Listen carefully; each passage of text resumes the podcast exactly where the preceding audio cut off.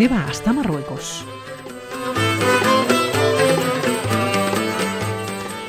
El Tubcal, con sus más de 4.000 metros, señorea espacios infinitos y sirve de atalaya sobre mares de añil y ocre, de olas danzantes y dunas civilinas. Mirando hacia el norte, solo basta un poco de imaginación, de deseos de perderse entre la leyenda y la literatura para ver llamear la tierra e intuir que el rojo relumbrar del polvo se convierte en ciudad.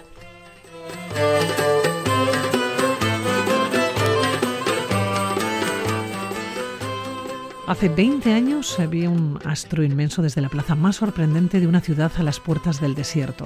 Se alzaba imponente y blanco en el cielo protector imaginado por Bowles, en una atmósfera ocre invadida por el sonido de los gremlins, tebeles y cravers que hacían vibrar los músicos nahua. El astro era, era la luna, claro, la plaza Yema el Fanna y la ciudad Marrakech.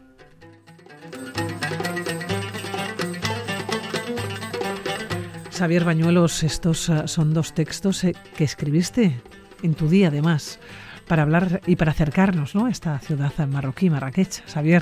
oye, y no suenan nada mal, ¿eh? No, no, suenan muy bien. No suena, nada mal dicho con tu voz.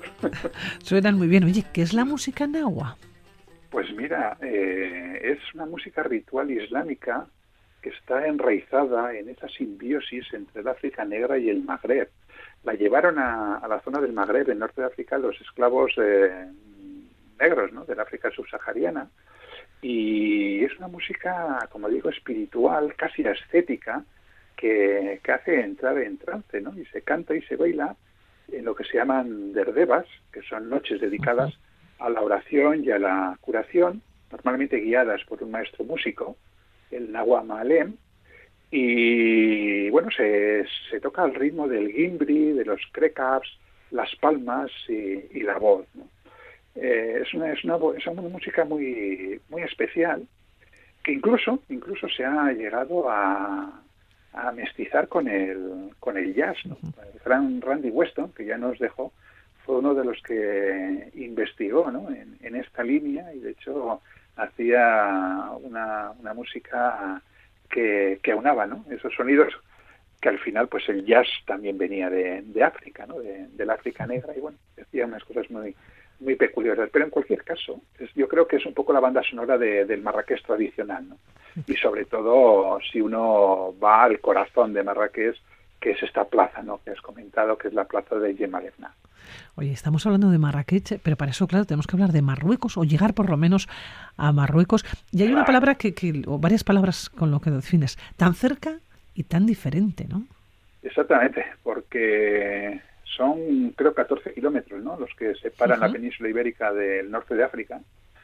Y en 14 kilómetros prácticamente das un salto en el tiempo, aparte de un salto eh, cultural bastante, bastante potente, ¿no? Eh, pasar de esa Europa occidental y mira que España pues todavía conserva mucho de los rastros que dejaron los 800 años de, convivencia ¿no? entre, entre las gentes del Magreb y las gentes peninsulares, pero así todo eh, supone un, un choque bastante, bastante potente, ¿no? Eh, no sé, es eh, a veces te da la sensación de que, de que vas, no sé, a la cueva de Alibaba, por decirlo de alguna manera, ¿no? Y, además es muy bonito, ¿no? Pero sí, sí sorprende, sorprende esa, esa cercanía y a la vez esa, esa lejanía que en este caso juega con la diversidad, ¿no? Muy chulo, la verdad. Claro, llegas a otro mundo, ¿no? Cuando llegas a Marruecos y ya tienes que llegar a Marrakech, porque vamos a situarlo, ¿no? Está en el Marruecos central, en el centro sur, a los pies del Alto Atlas. Eso es, sí, un poquito más al sur ya vemos las nieves del monte Taukal, ¿no? Que es la, la cima, la cima señera y la más, la más alta de, de la cordillera del Atlas, ¿no? Con sus 4.167 metros. Y es efectivamente la, la antesala del desierto, ¿no? Porque digamos que a partir de de esta zona de Marrakech y del Atlas ya empiezas a ver las primeras arenas septentrionales del desierto del Sáhara, que está más allá de los pasos de Tisintés y Tisintica, allá por, por la zona de Ouarzazate, la, la ruta de las Casbas, Zagora, Ercheví, Agadir, el Cañón del Dra. Eh, lo que pasa es que Marruecos está un poquito antes, ¿no? Está un poquito antes con su, con su alma bereber, ¿no? Su alma amazigh, que es como ellos se llaman a, sí mismos. En este, en el límite ya, en el límite norte, de habla Tasselhit, que es, eh, digamos, la variante del, del Bereder o de la Mazik que se habla en esta zona, en esta zona meridional de, de Marruecos, ¿no? Y que es diferente al, al, a la Mazik que se habla en la norte, por ejemplo, a la zona de, del Rif, ¿no? Que la, la, forma dialectal se llama Tirifit, o del Tamasig, eh, de la zona de la zona central, ¿no? Pero en cualquier caso estamos hablando de una ciudad que tiene un alma bereber, ¿no? Es distinta, por ejemplo, a Fez, que es más, más árabe que, que, el resto de ciudades eh, marroquíes que son más bereberes. Estamos hablando además de una de las cuatro ciudades imperiales eh, marroquíes. Tenemos que retroceder, pues eh, creo que al 1062, ¿no? A la fundación y que fue la capital del Imperio Islámico. Todo eso se nota en la propia ciudad, ¿no? Es majestuosa. Claro, sí, sí, sí. Son bueno, las cuatro ciudades eh, clásicas marroquíes son Fez, Meknes, Rabat y Marrakech. Y no cinco, ¿eh? porque a veces hay muchos panfletos turísticos que incluyen a Casablanca. Bueno, Casablanca nunca fue realmente una, una ciudad eh, imperial. ¿no? Y sí, efectivamente, tiene una, una historia muy larga, ¿no? que se fundó en, 1062 por Yusef Tachin, eh, bueno, Tachfin, ¿eh? Que, que, era bueno uno de los líderes de la primera dinastía de los, de los almorávides. Nace como un mero puesto militar y comercial, ¿eh? de, digamos una especie de caravanserai entre el África Negra y el norte ¿no? y el Mediterráneo, pero pronto, se convierte en la capital del, del, del, imperio almorávide. Es decir, estamos hablando de todo Marruecos y también de Al-Ándalus. ¿eh? Es aquí donde estaba la, la, capital. Bueno, en 1147 toman el poder los almohades, que sustituyen a los almorávides, arrasan la ciudad. ¿eh? De hecho, actualmente prácticamente no queda nada de la ciudad eh, almorávide. ¿eh? Solamente hay un pequeño edificio que es la Cuba Badin. Entonces, la, pero, pero arrasan la ciudad, pero la reconstruyen.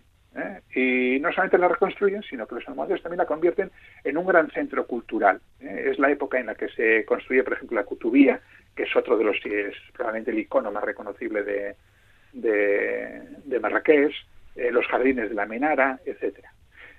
Llegamos a 1248, 1976, ahí toman el poder los benimerines eh, de Benumerín, nos sonará por, si hemos leído a Cervantes y el Quijote, los benimerines nos tienen que sonar, ¿no? Eh, pero en este momento, los benimerines lo que hacen es trasladar la capitalidad a Fez, ¿eh? pasan de Marrakech a Fez, con lo cual la ciudad entra, entra en decadencia, hasta 1549, donde toman el poder otra dinastía, los sadíes, recuperan la capitalidad para Marrakech y digamos que entran en su segunda etapa de esplendor.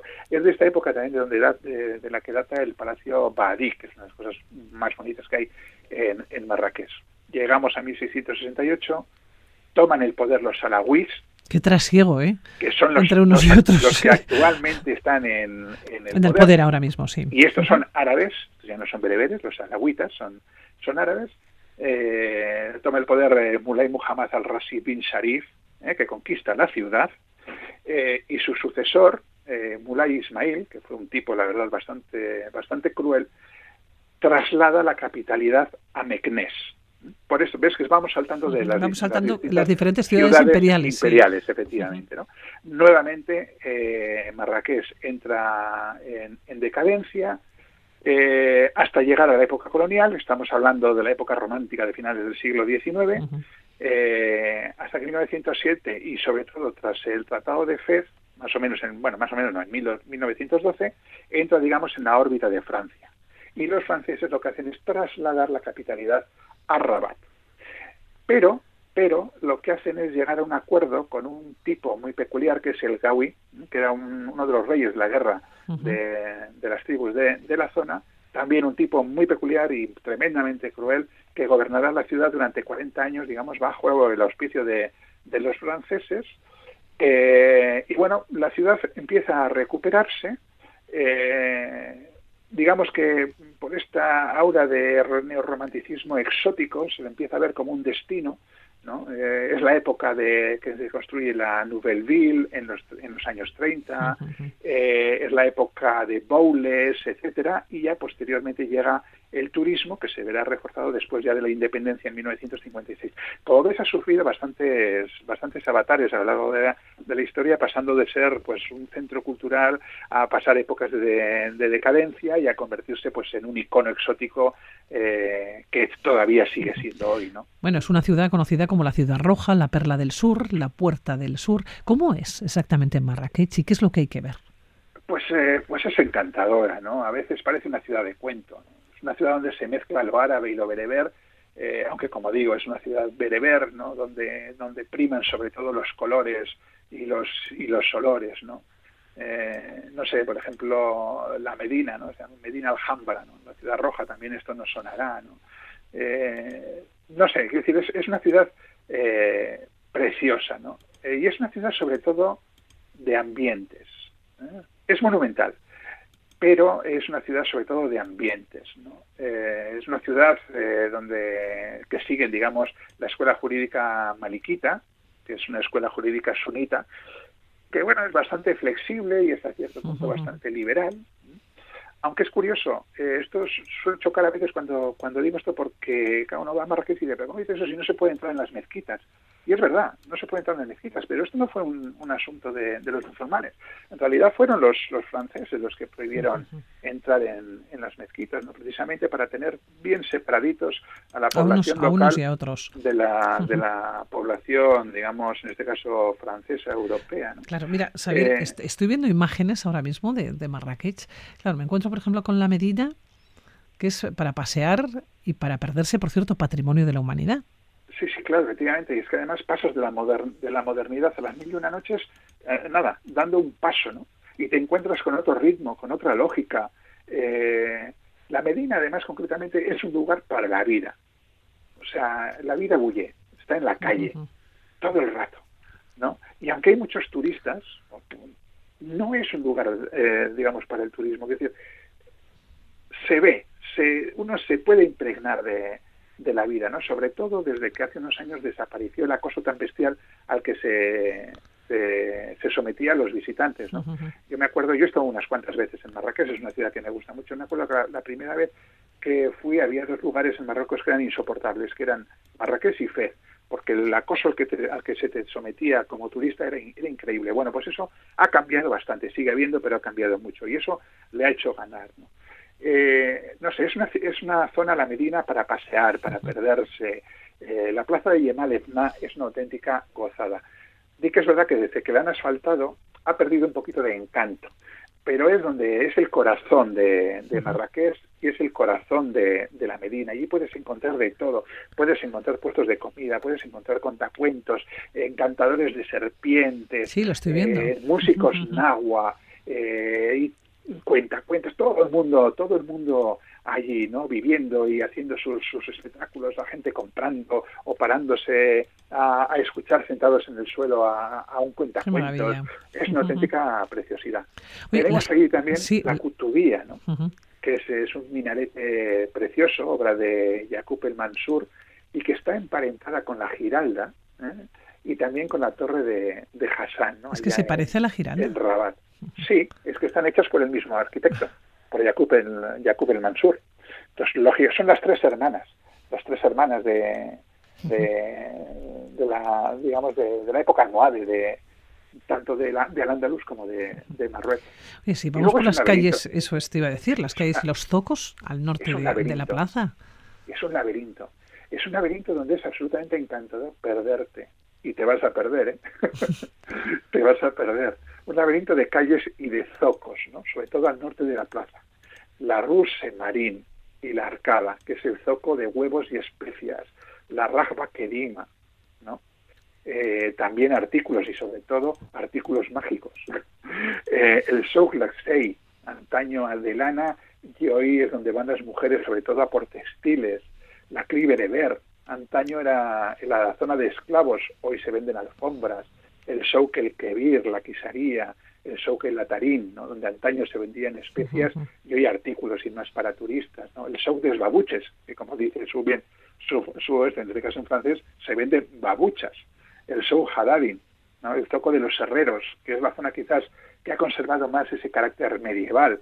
el barrio de los tintoreros, ¿no? Que es una auténtica orgía de color ahí entre claroscuras.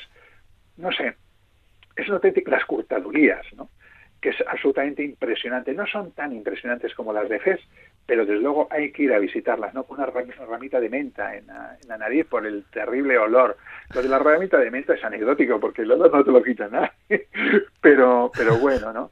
luego tenemos el Museo de Marrakech, ¿no? Que, bueno, lo mejor la verdad es que es el edificio, ¿no? Una mansión de principios del siglo XX con un patio central bastante grande y una gran araña, ¿no? Eh, araña me refiero a una, a una, a una luz, vamos, a una lámpara, ¿no? de araña, con, luego también con su hamam, los lavabos, eh, la madrasa de Ben Youssef, ¿no? del siglo XIV, eh, el barrio de, de Muasin, con su mezquita, su fuente. Maravilloso, porque nos estás llevando, desde luego, al, corazón de, de, Marrakech. Yo te quería preguntar, llegamos allá, necesitamos pues un mínimo de cuatro días, ¿no? Nos indicas. para dormir en un riad. ¿Qué es un riad? Pues un riad es la, digamos, la casa tradicional de esta zona de, Marruecos, que son casas que siguen casi una especie de, planta romana, ¿no? Porque es, es una, una arcada eh, lateral, o mejor, cuatro arcadas lateral y un patio central. Entonces, y en esa arcada, e, ese patio central está abierto, ¿eh? y recoge el agua de lluvia cuando cae y en las arcadas laterales se distribuyen las habitaciones muchas veces con celosías. Entonces la verdad es que hay riads que son una auténtica gozada porque están restaurados con auténtico primor y muchas de ellas eh, bueno pues o son hoteles o acogen gente para, para dormir y yo creo que es la mejor opción para, para dormir allí en, en Marrakech. Bueno, pues tendremos que ir sin lugar a ninguna duda, cuando podamos, ¿no? A escasos 14 kilómetros, ¿no? Pasando el estrecho, nos encontramos con Marruecos, tan cerca, pero a la vez tan diferente. Xavier Bañuelos, que nos despedimos. Cuídate mucho. pues nada, aquí estaremos.